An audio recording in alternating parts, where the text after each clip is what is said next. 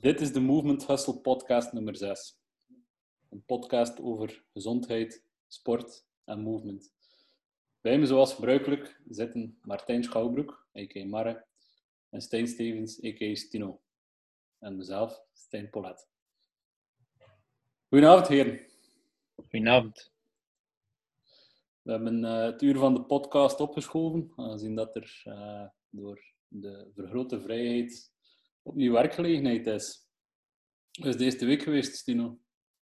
Zeer goed eigenlijk. Uh, alle klanten waren super tevreden dat ze eindelijk groen licht kregen om terug bij mij personal training uh, buiten te mogen doen. Uh, gewoon om eigenlijk ook al een keer uit het huis te mogen komen voor iets anders dan werk of boodschappen. Um, en eens terug iets van sportactiviteit doen naast het fietsen, wandelen of lopen. Goed. In dat opzicht, Martijn, de post-corona guidelines.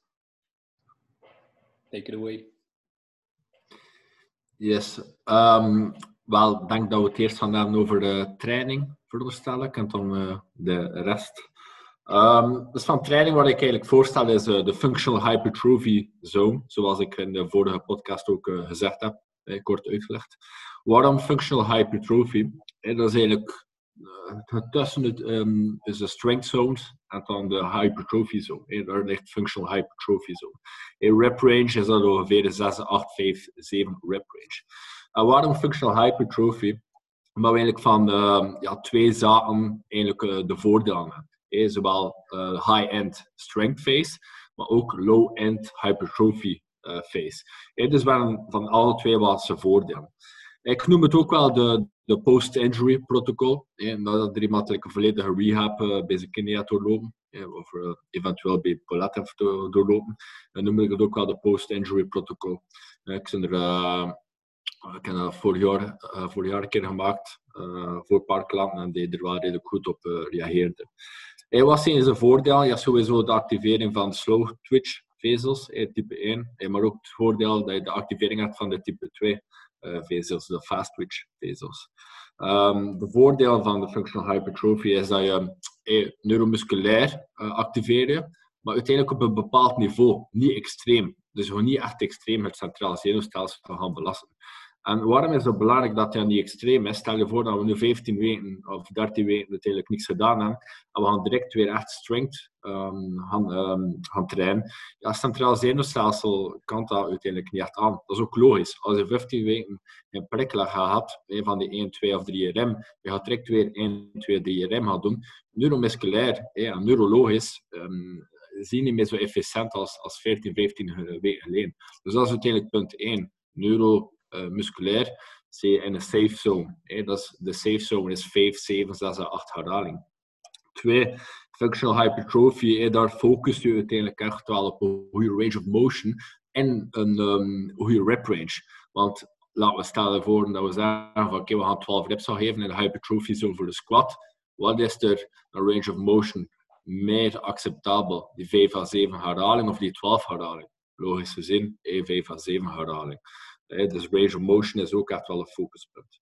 En dan, oké, okay, functional hypertrophy aan, de meest basic level hey, focussen we op compound exercises. If, um, de focus uh, met functional hypertrophy is okay, body composition. Uh, als je dat focus met voeding, waar we er zo beetje over gaan over praten, is dat echt wel uh, een goede rep range voor, uh, voor in te zijn. Maar ook in strength. Dus zoals ik zei, je hebt van twee zaken zijn voordeel, strength en hypertrophy.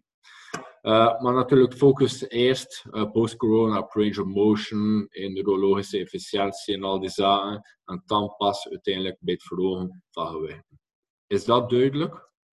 Ja. ja. Stino, daar was je ja. vragen over. Uh, um, nu, het is natuurlijk heel groot verschil tussen de general population en de physique lines. Hè.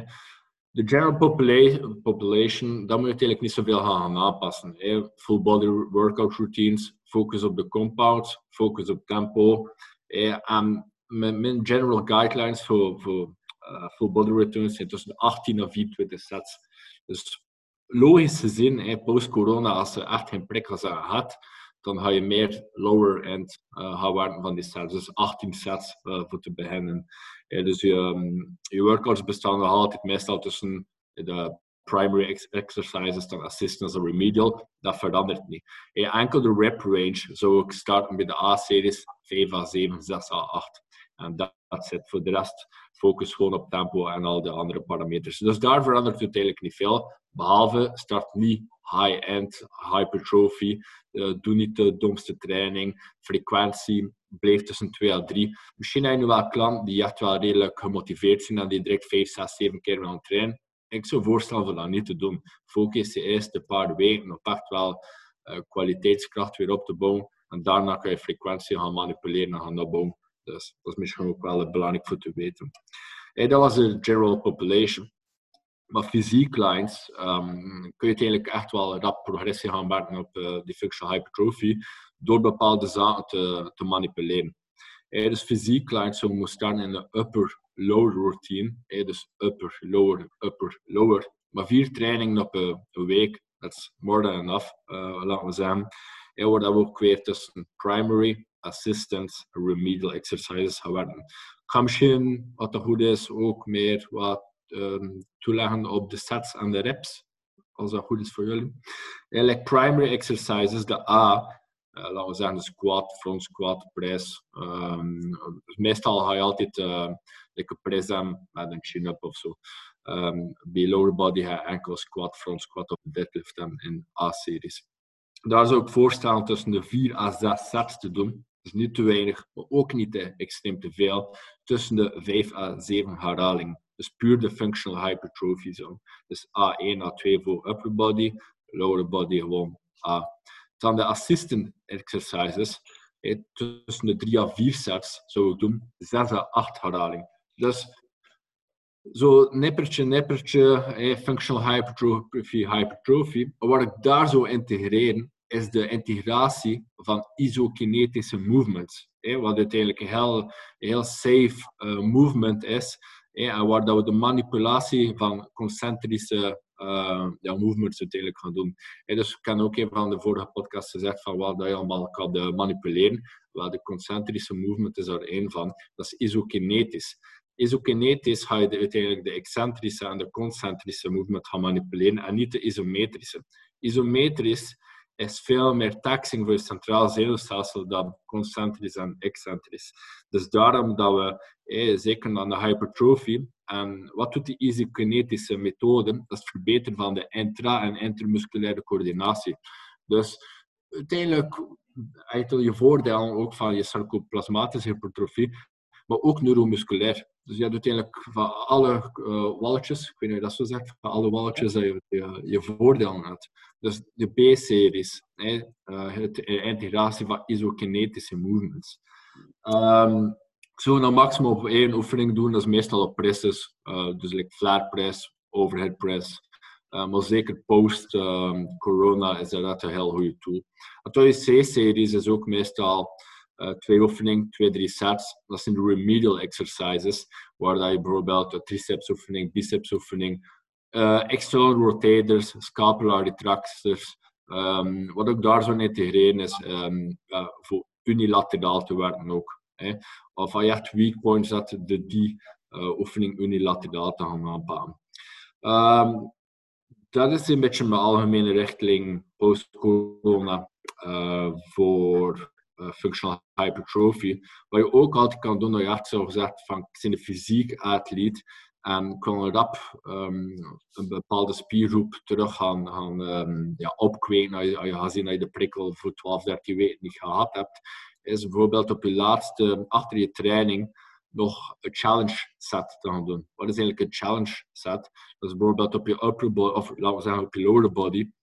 Um, heb je bijvoorbeeld een squat, split squat, we zeggen, calf exercise en abdominale exercise. Wel, daarna doe je eigenlijk nog één set, bijvoorbeeld chest. Hey, laten we zeggen, je pakt de gewicht dat ongeveer uh, 10 keer kan. Je doet zoveel mogelijk herhaling. Dus dat is uiteindelijk ook wel iets voor meer sarcoplasmatische hypertrofie te vorderen, maar achter een, een, dag dat je die spiergroep niet getriggerd hebt. Dus dat zijn allemaal manieren uiteindelijk voor heel rapide progressie uh, op te kweken. Dus, um, 200 daar vragen over zijn, Paulette en Stino?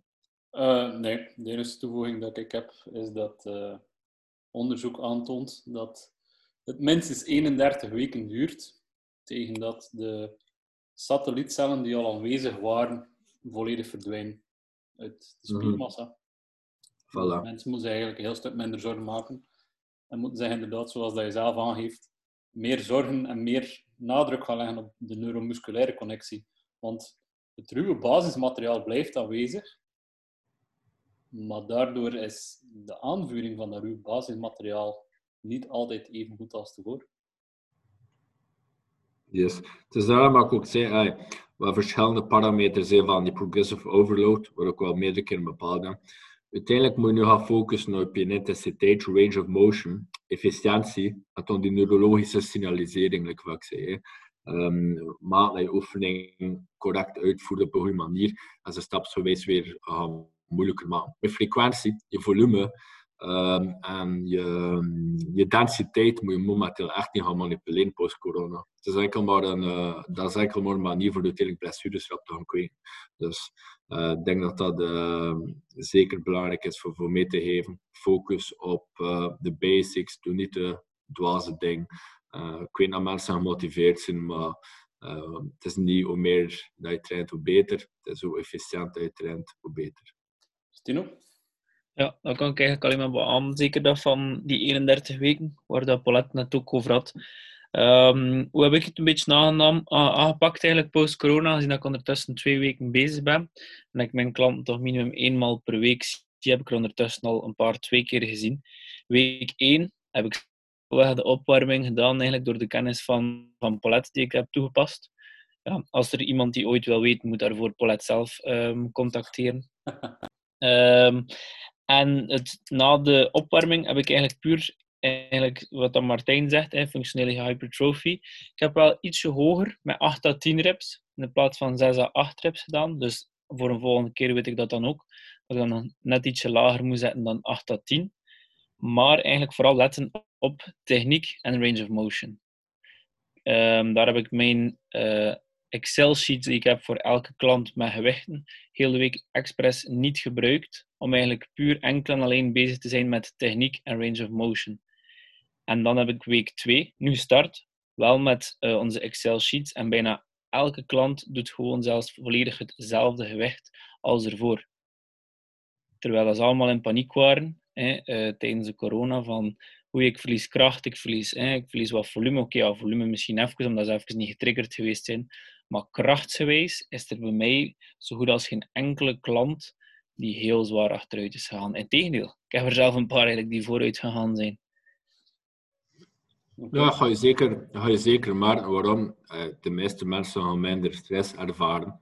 Uh, dus met alle voordelen, eh, nadien uiteindelijk zeker nog strength. als slaap en stress onder controle is, ga je maar naar veel meer strength gaan ontwikkelen. Ja, juist. In dat opzicht ook nieuwe hypertrofie, uh, zeker na acht weken. De curve voor hypertrofie, althans zoals ik ze gekregen heb op de universiteit, was acht weken neuromusculaire winst en na acht weken celdeling met nieuwe satellietcellen. Dus uh, ik denk dat inderdaad, zoals Martijn zegt, volume laag houden. De ego-check aan de deur, om de klant niet kapot te maken. Dat dat eh, het voornaamste gaat zijn. En de richtlijn volgen die Martijn net uitschreef. Want ja, ze benaderen de perfectie bijna. Goed. Martijn, food post-corona.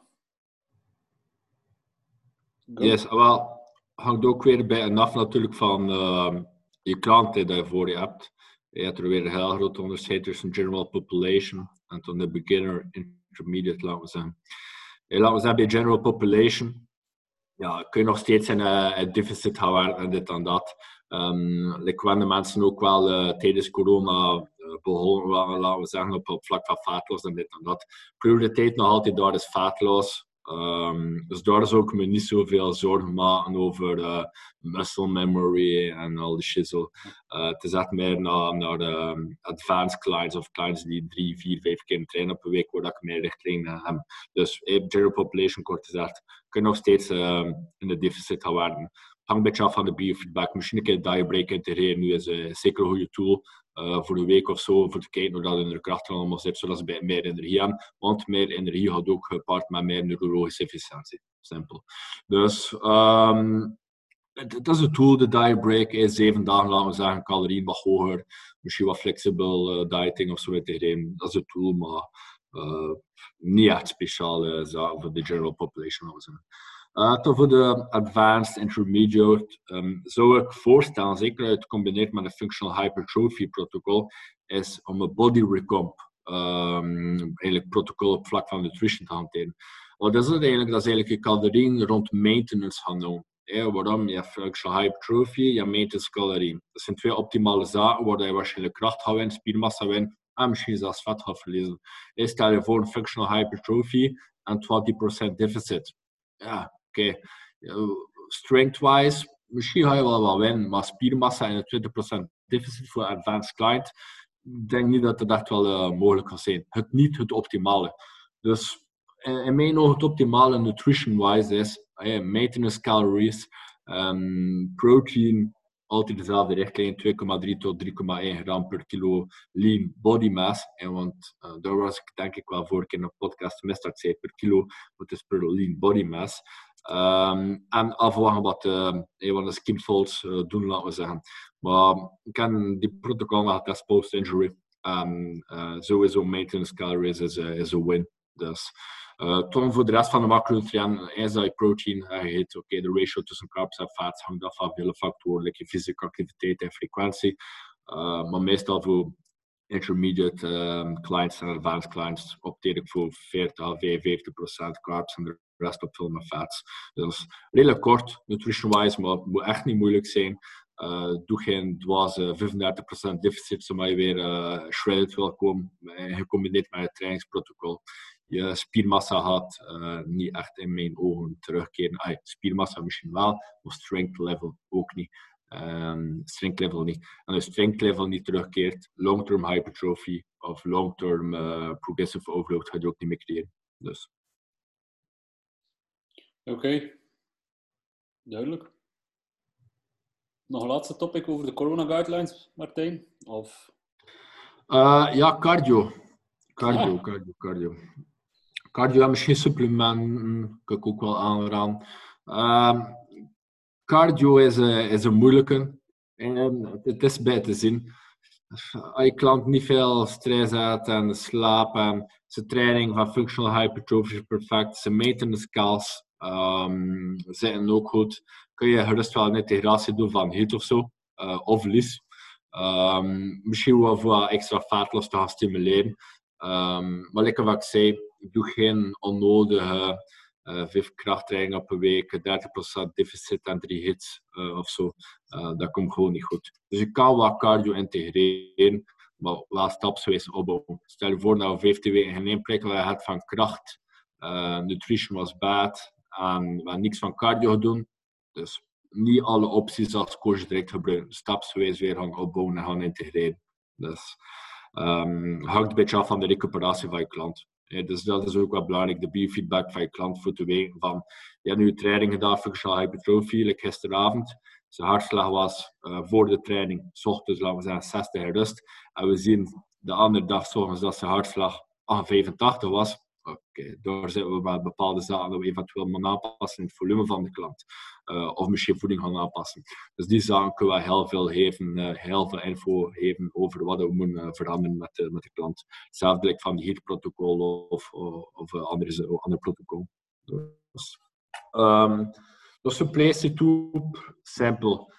zeker um, met functional hypertrophy is ook twee supplementen integreren. Dat is beta-alanine en creatine monohydraat. Um, ik ga daar niet verder uiteindelijk op uh, ingaan wat allemaal juist doet. Het supplementen die waarschijnlijk wel gekend, gekend zijn. Maar creatine monohydraat zou uiteindelijk iedere sporter mogen gebruiken in mijn ogen. Zelfs um, general population klanten, zeker voor cognitieve functies en allemaal. Um, en tot beta-alanine zeker naar performance toe uh, en krachtproductie uiteindelijk ook toe. Dus. Oké.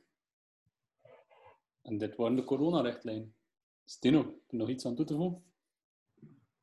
Mm, nee, ik denk gewoon inderdaad, allee, dat ik dat heb aangepakt, niet direct er proberen in te vliegen omdat je klant er zin in heeft. Ik denk dat je als coach de grootste verantwoordelijkheid hebt. Als je klant binnenkomt, is hem eigenlijk direct temperen.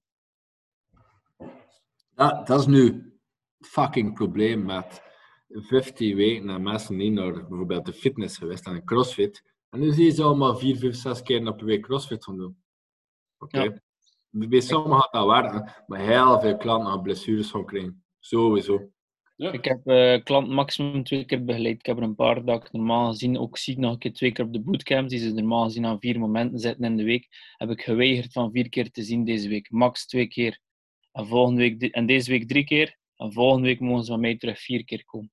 Maar ze dat is vier keer een week door, maar het hangt gewoon af van de biofeedback. Normaal ga je nu wel zien als ze getraind en dat ze redelijk uh, sore zijn de dag achter de training. Dus dan geef je dat voldoende info als coach. En misschien zegt, oké, we gaan deze week en volgende week wat kalmer aan doen. En we gaan de frequentie gaan manipuleren en gaan stijgen. Gelijk wat ik zei, juist, de focus moet nu zien over de frequentie van je klanten gaan manipuleren, maar op, moet op intensiteit, range of motion, vorm en efficiëntie uiteindelijk van je oefening. Inderdaad. Coaches, check your ego. Want daarvoor worden betaald. Goed. Tweede topic van deze avond. De force velocity curve. En het belang ervan bij sporters. Nu, voor de mensen die de force velocity curve niet kennen, even googlen. De force velocity curve gaat hem over het feit hoeveel kracht dat er ten opzichte van snelheid gemaakt wordt. Kracht uitgezet in newtons, snelheid uitgezet in meters per seconde. Waarbij je bij de max strength, waarbij dat er gewerkt wordt aan een 90 tot 100 procent 1RM protocol, er dus een max strength is, maar een ongelooflijke trage snelheid. Aan de andere kant, wanneer je snelheid wil ontwikkelen, zit je aan de andere kant van de curve en spreken we eerder over 30% en zelfs minder van 1 RM. Nu, wat is het belang van die force velocity curve? Is dat zaken zoals excentrisch trainen, concentrisch trainen en isometrisch trainen, alle drie een weerslag hebben op die force velocity curve, en dan zeker het excentrische gedeelte, omdat het lichaam ook werkt met behulp van de stretch shortening cycle.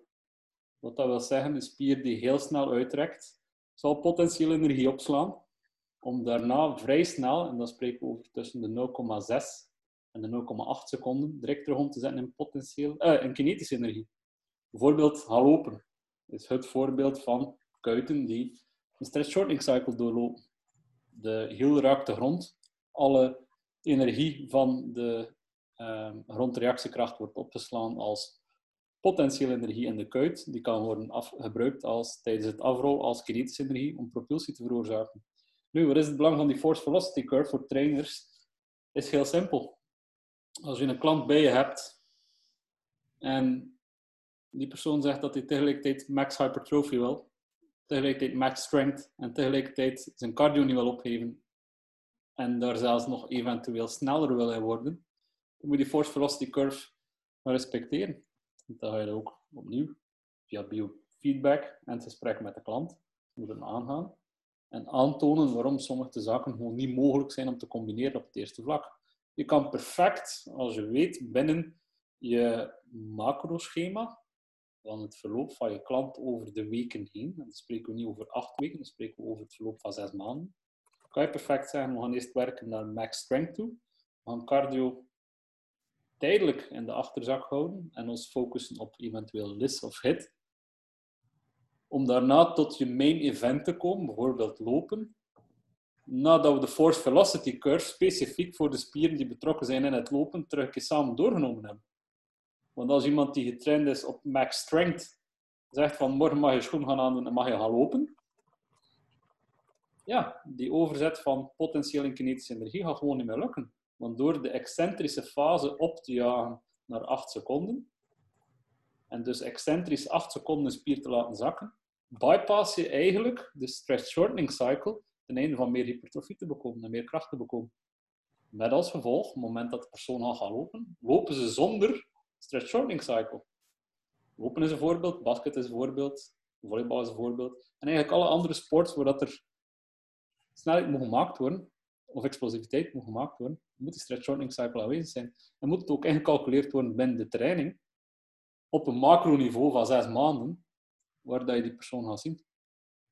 Een goed voorbeeld is bijvoorbeeld Stino. Stino heeft behalve contest ook nog een actief leven als basketter. Stino, de force velocity curve. Dat heeft dat van invloed gehad. Zowel op je training, enerzijds, Mhm. maar ook op je basket, anderzijds. Ehm, eigenlijk alleen maar allee, dat vlak positief.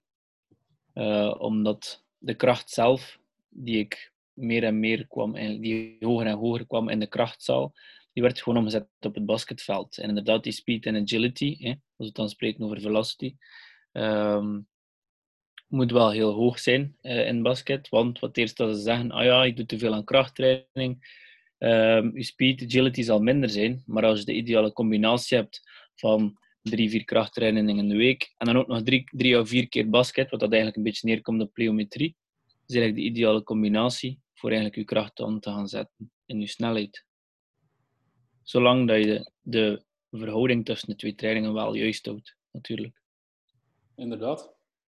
En dat is eigenlijk het punt waar we toe willen komen. Namelijk dat die force velocity curve gaat gaan bepalen waar mijn klant heen gaat. En we zien ondertussen de gyms gaan hopelijk binnenkort terug open. Personal trainers mogen al terug herbeginnen. En wat zien we is schema's die opgesteld worden, zodat er plots kernwoorden zoals pliometrie aan bod komen. Wat doet dat ertussen? Pliometrie is een training op zich. Pliometrie is de training dat je heeft na 8 tot 12 weken strength training. En dan heb ik niet over power, maar over strength training. Want beide zijn trouwens totaal verschillende dingen. Wie dat er zegt dat power training en strength training hetzelfde is, helemaal niet. Power is tussen de 30 en de 80 procent van 1 RM, terwijl dat strength training 90 tot 100 is. Om een simpel voorbeeld te geven, power training is al eerder Olympics en powerlifting, terwijl dat training meer aanleunt bij uh, body composition training. Dus wie dat er altijd die zaken door elkaar gebruikt, nee, snij ze mooi los, want de, de wetenschap bestaat erachter, wanneer dat je wat gaat gebruiken. En ook binnen het grotere geheel moet je weten wanneer dat je wat gaat, gaat gebruiken. En dat opzicht is het nutteloos om na twee weken strength training af te sluiten met pliometrie. Sowieso gaat het centraal zenuwstelsel dat al niet aanvaarden, dat er nog op het einde van een strength training nog een keer pliometrie extra bij komt. En los daarvan heeft het ook totaal geen nut. Stino? Ik denk dat daar dan eigenlijk heel veel mensen onderschatten wat dat eigenlijk het voordeel van de lockdown kan zijn. Ja. Plots is er op sportvlak een off-season van 8, 12 weken, wat dan normaal gezien soms maar max 4 à 6 weken is. En om en kracht en dan op het einde nog kracht te sluiten, hè, na, na 4, 6 weken nog een keer met pliometrie, misschien is soms onmogelijk.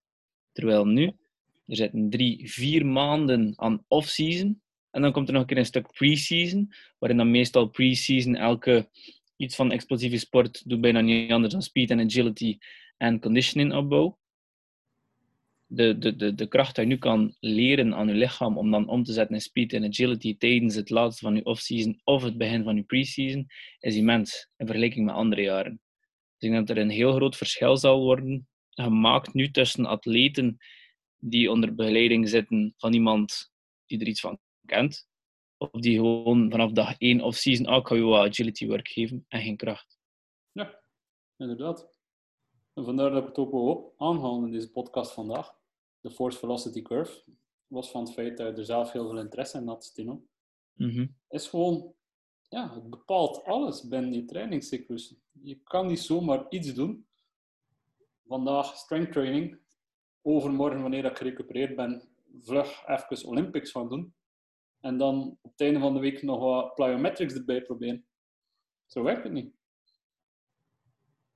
En dat is hetgeen wat we ook zien bij het selecteren van gewichten, bij trainingen, is dat heel veel mensen gewichten gaan selecteren op basis van wat dat ze denken dat er 1 RM is. En dan plots eigenlijk bezig zijn met power to train, waar dat ze eigenlijk strength training willen doen. Dus in dat opzicht is het ook belangrijk dat je weet wat je 1 RM is, omdat die heel je force velocity curve voor een stuk gaat gaan bepalen. Het is onmogelijk om strength training te doen als je je gewicht in een fractie van een seconde omhoog kan krijgen. Want dan ben je helemaal niet bezig met strength training. Dan ben je bezig met power training. Of zelfs snelheidstraining, als het zo snel gaat. Dus in dat opzicht zijn de twee zaken heel belangrijk. Stretch shortening cycle die aanwezig is binnen spieren. En die ook moet gerespecteerd worden. En die na een strength phase opnieuw moet aangeleerd worden aan het menselijk lichaam op basis van plyometrics, explosive movements enzovoort enzovoort. En de stretch shortening cycle itself binnen het macro gegeven van hoeveel maanden training dat je volledig wil hebben samen met je klant. En wat dat ook de effectieve vraag is van je klant. De biofeedback dat je krijgt van je klant. En wat dat zijn originele hulpvraag was. Want dat merk ik soms ook. Dat elke trainer heeft zijn specifieke zaken waar dat hij het liefst van al mee bezig is. Richt zich daarop. En iedereen moet zich maar in die mal gaan vormen. Dat kan beter. Leer de force velocity curve. Kijk naar wat dat de vraag is van je klant. Bespreek het samen. En de rest zal wel vanzelf komen.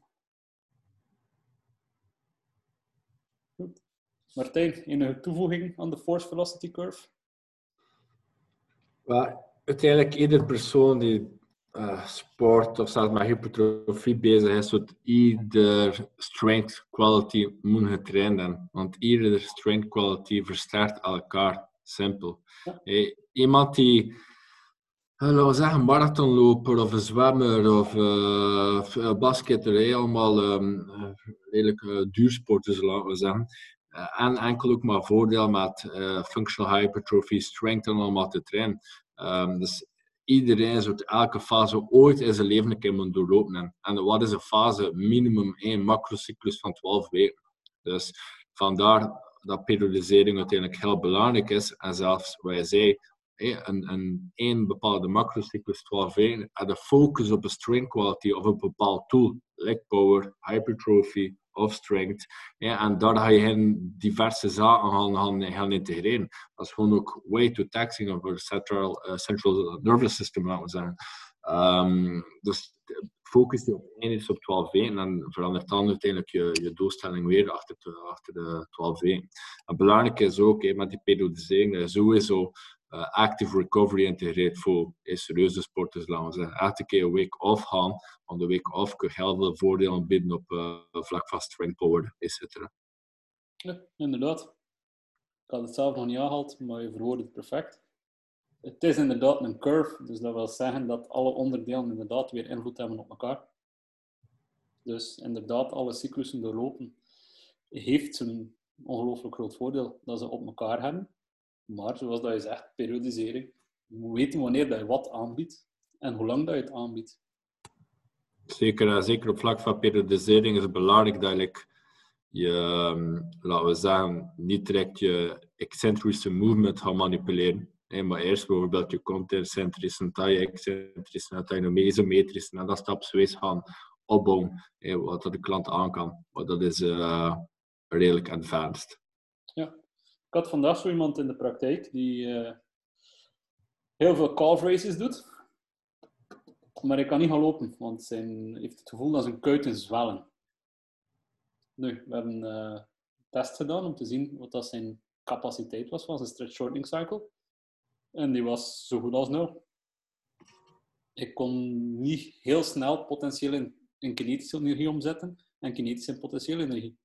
Dus op basis daarvan hebben we hem nu, aangezien dat hij al redelijk wat hypertrofie had, een cyclus van zes weken uh, plyometrics gegeven. Met als doel eigenlijk terug ervoor te kunnen zorgen na die zes weken dat hij in staat is om te lopen. In de tussentijd is niet de bedoeling dat hij gaat gaan lopen, want hij gaat er toch niks aan hebben. Want zolang dat zijn spier niet terug aangeleerd heeft wat de stress shortening cycle is, en de snelle omzet van potentiële en kinetische energie ten einde van propulsie te bekomen tijdens het lopen, heeft het toch geen zin dat we doen. Dus in dat opzicht heeft, zit hij nu op een ander stuk van de curve, die ervoor gaat zorgen dat de andere zaken binnen diezelfde curve terug gaan verbeteren.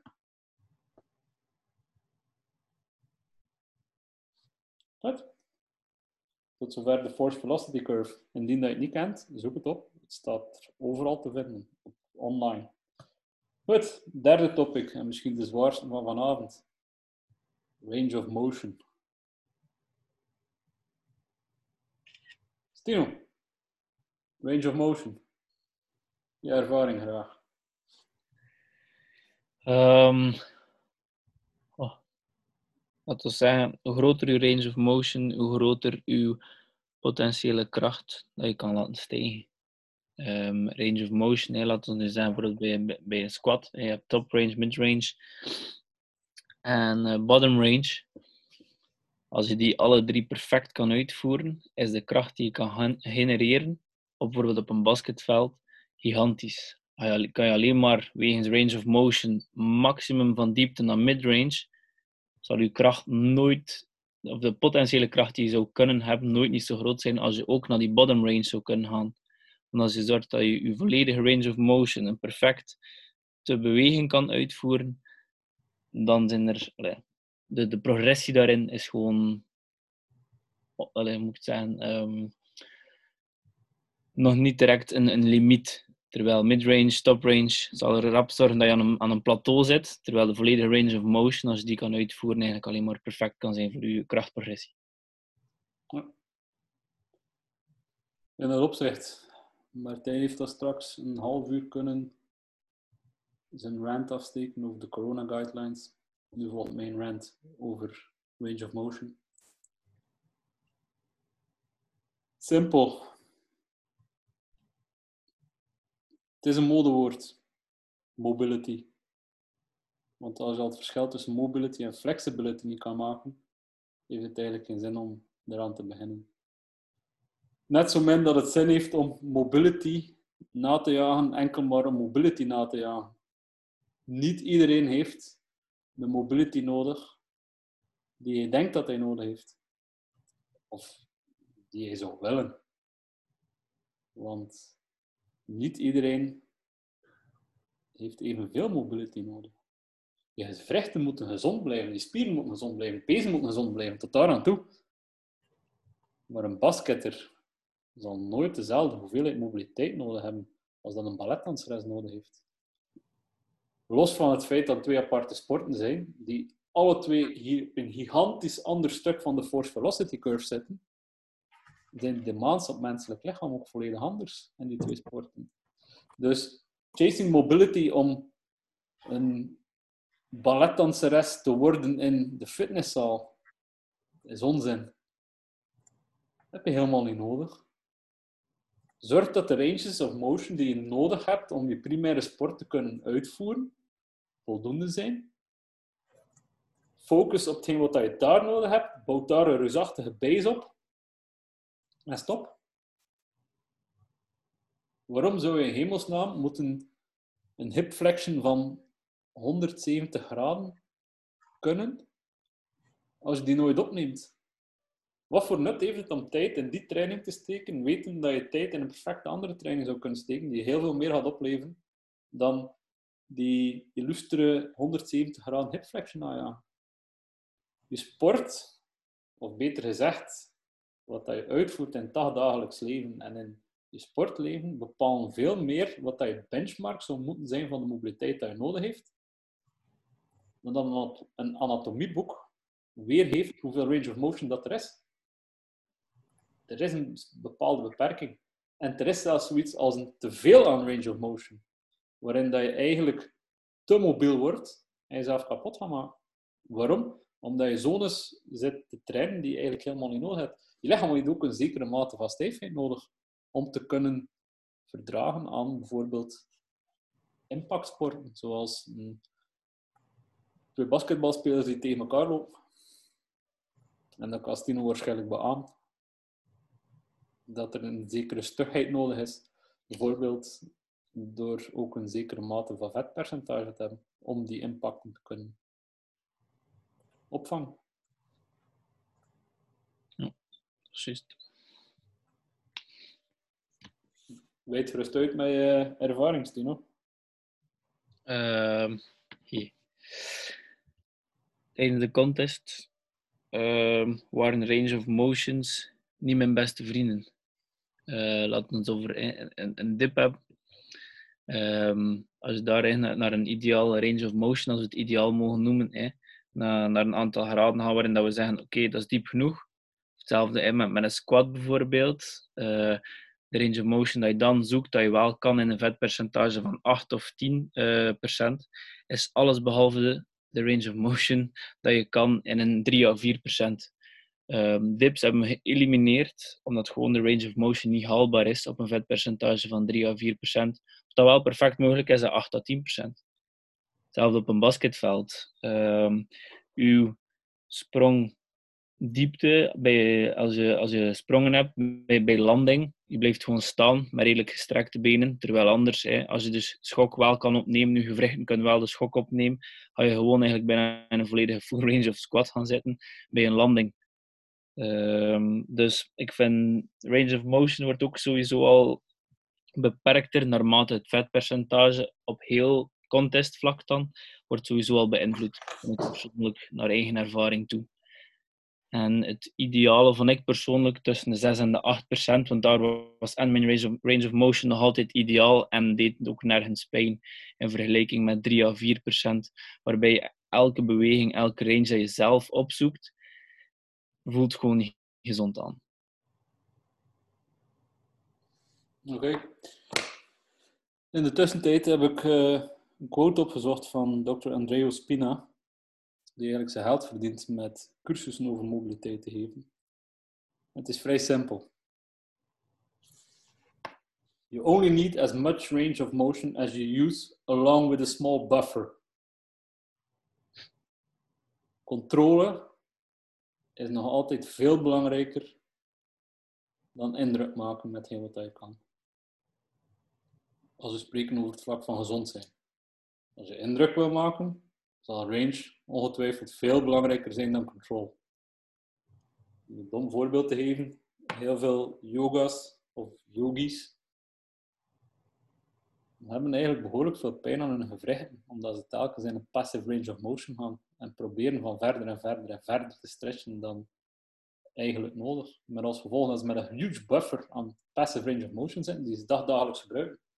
Dus eigenlijk komt het erop neer, wat dat je nodig hebt van mobility, als we spreken over iemand die geen pijn heeft,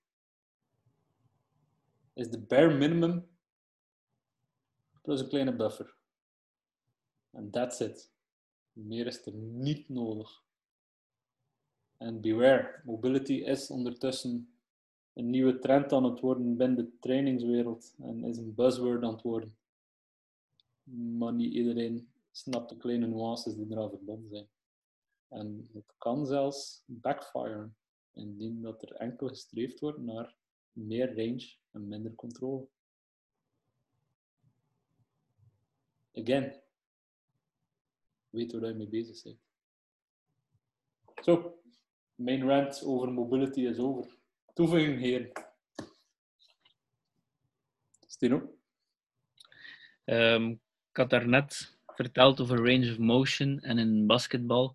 Um, iemand die naar mij kwam en vroeg, ja, moet ik eigenlijk wel mijn borst tikken? Want mijn trainer zegt, ik moet niet lager dan een range of motion dat ik nooit niet haal op een basketveld. Ik moet de, de bar moet mijn chest niet tikken, want dat is een range of motion die ik persoonlijk in een basketbalveld nooit niet ga opzoeken. Wat is uw mening dan daarover eigenlijk, uh, Paulette? Aangezien dat we net hebben, hè, uw range of motion moet naar de persoon zelf en de persoon moet eigenlijk geen range of motion hebben dat hij niet, dat hij niet nodig heeft. Maar ik denk dan toch wel op een basketveld aangezien dat er heel veel contact is, uh, soms kom je in een range of motion dat je niet eens weet op voorhand van oei, nu zit ik daar. Wat vind je van die, van die doelstelling van die trainer van ja, um, benchpress niet lager, maar gerust 20 centimeter boven de chest, want lager ga je nooit opzoeken op een basketveld. Oké, rent nummer 2. Sorry. Blessures zijn niet uit te sluiten. Punt. Wie dat er zegt dat iemand 100% blessure ongevoelig kan maken, ja, dat is guru talk. Dat doen we niet aan mee. Het gaat er voornamelijk over de load versus de load bearing capacity wanneer het over blessures gaat. Er is altijd meer passive range of motion dan er active range of motion is. Sowieso. Maar heel specifiek over hetgeen wat je nu aanhaalt, lijkt me onlogisch om arbitrair op voorhand te zeggen: dit zijn de ranges of motion. En die gaan we zelfs volledig gaan toepassen op zaken zoals benchpress enzovoort enzovoort. Dus arbitraire grenzen stellen aan hoeveel range of motion dat je nodig hebt, is, en dat is de dichotomie, is nodig, maar tegelijkertijd de reflex maken van je zal hier amper inkomen, dus je moet het ook niet volledig gaan trainen, is ook weer niet nodig. Dus er zit er inderdaad wel ergens een dichotomie tussen, waarin dat je met een probleem zit tussen hoeveel heeft mijn atleet nodig en hoe pas ik het toe. Maar in het geval van de benchpress uh, lijkt het me vrij onlogisch om 20 centimeter boven de borst te stoppen, want dan denk ik dat je met bepaalde kernspieren enkel nog maar midrange bezig bent. Dus zelfs niet volledig endrange. Dus dat wil zeggen dat je nog nooit uh, afwijkt van, de mensen die de house kennen, afwijkt van de mediaan naar de standaard deviaties van beweging toe. Dus uh, logisch, nee. Verstaanbaar, ja. Als je arbitraire grenzen stelt op voorhand en zegt van hier ga je waarschijnlijk nooit inkomen. De dag dat die persoon erin komt, en het is met een serieuze belasting die binnenkomt op dat stuk van het menselijk lichaam, zal de persoon zeker in passive range of motion gaan. En wat dat passief is, is ook oncontroleerbaar. Dus dat wil zeggen, de load die binnenkomt, overstijgt sowieso de load bearing capacity. Met blessures als gevolg.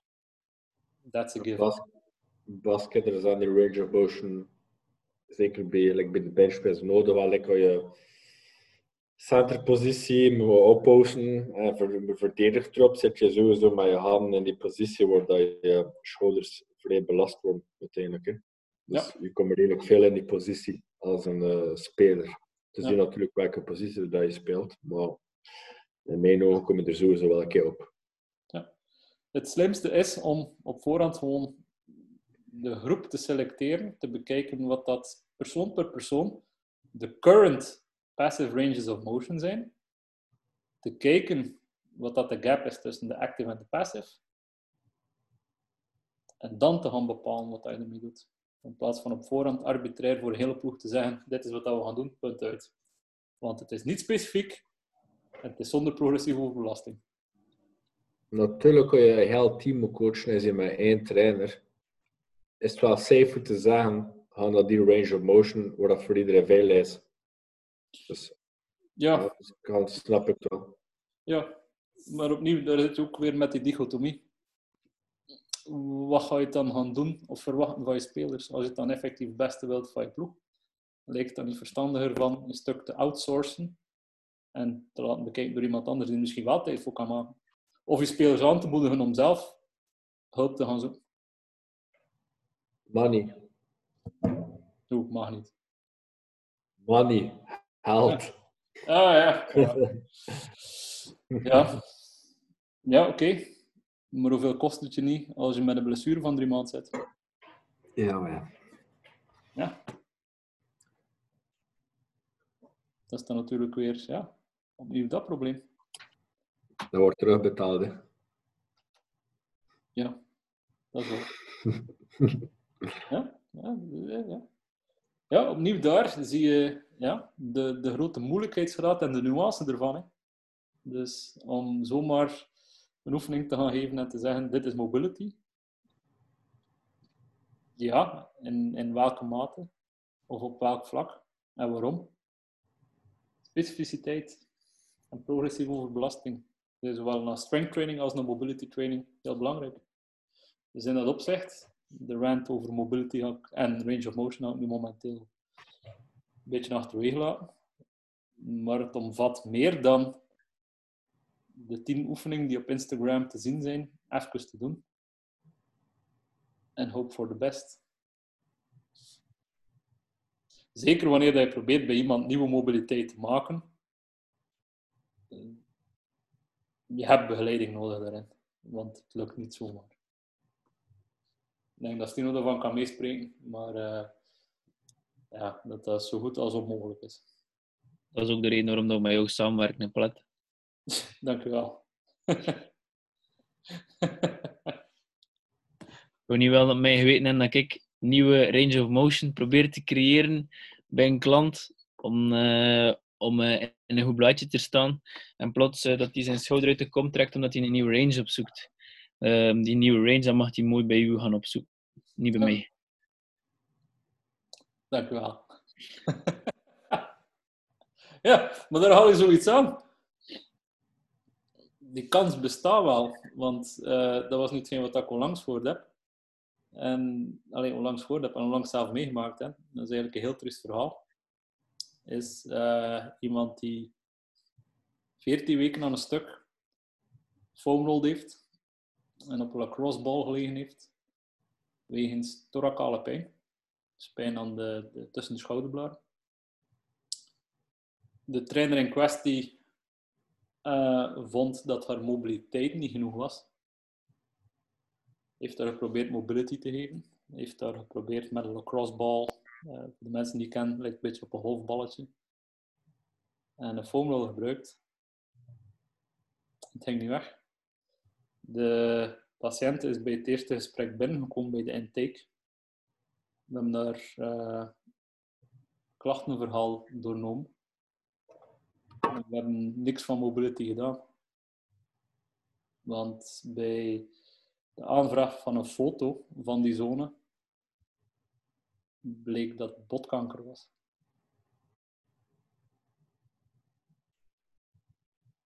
En dan mag je mobility roepen wat je wilt. Maar nee, dat werkt niet. Als het over pijn gaat en beperkingen in range of motion, als je geen onderbouw ervoor hebt, blijf er beter van weg. Want het moet maar één keer verkeerd gaan en dan gaat het serieus verkeerd.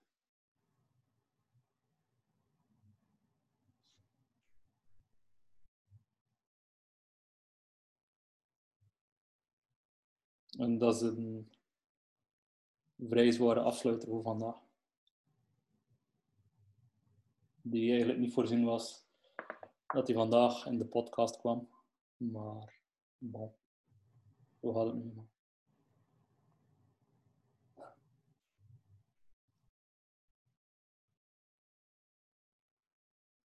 Goed, dit was eh, de nieuwste versie van de Movement Hustle, die vanaf nu op donderdagavond wordt opgenomen in plaats van op zondag, wegens eh, work-related stuff.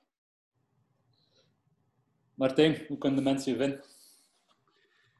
Yes, uh, Instagram coach Martijn Schoolbroek en Facebook Schoolbroek Martijn of Personal Health Plan. Stino, hoe kunnen de mensen jou vinden? Via Instagram. Eh, Stino underscore ymind. Of gewoon via mail steen at y koppelteken mind.be. En mij kan je vinden op Instagram, eh at s.r.c.polet. Tot grote ergernis nog steeds van Martijn, maar Yes. naar podcast nummer 2. Zit in de comfortzone, dus het is oké. Bedankt heren voor eh, opnieuw boeiende discussies. Sorry voor de zware afsluiting. Ik ga misschien bij sommigen een belletje doen enkel. Laten we hopen dat het nooit meer moet voorkomen. Goed, dit was opnieuw een live opname. Deze keer zonder al te veel glitches. Dus eh de internet is doing fine. Bedankt. Bedankt om te luisteren. De volgende podcast zal opnieuw met een Q&A zijn. Dus je kan in de tussentijd vragen doorsturen. Bedankt. Out.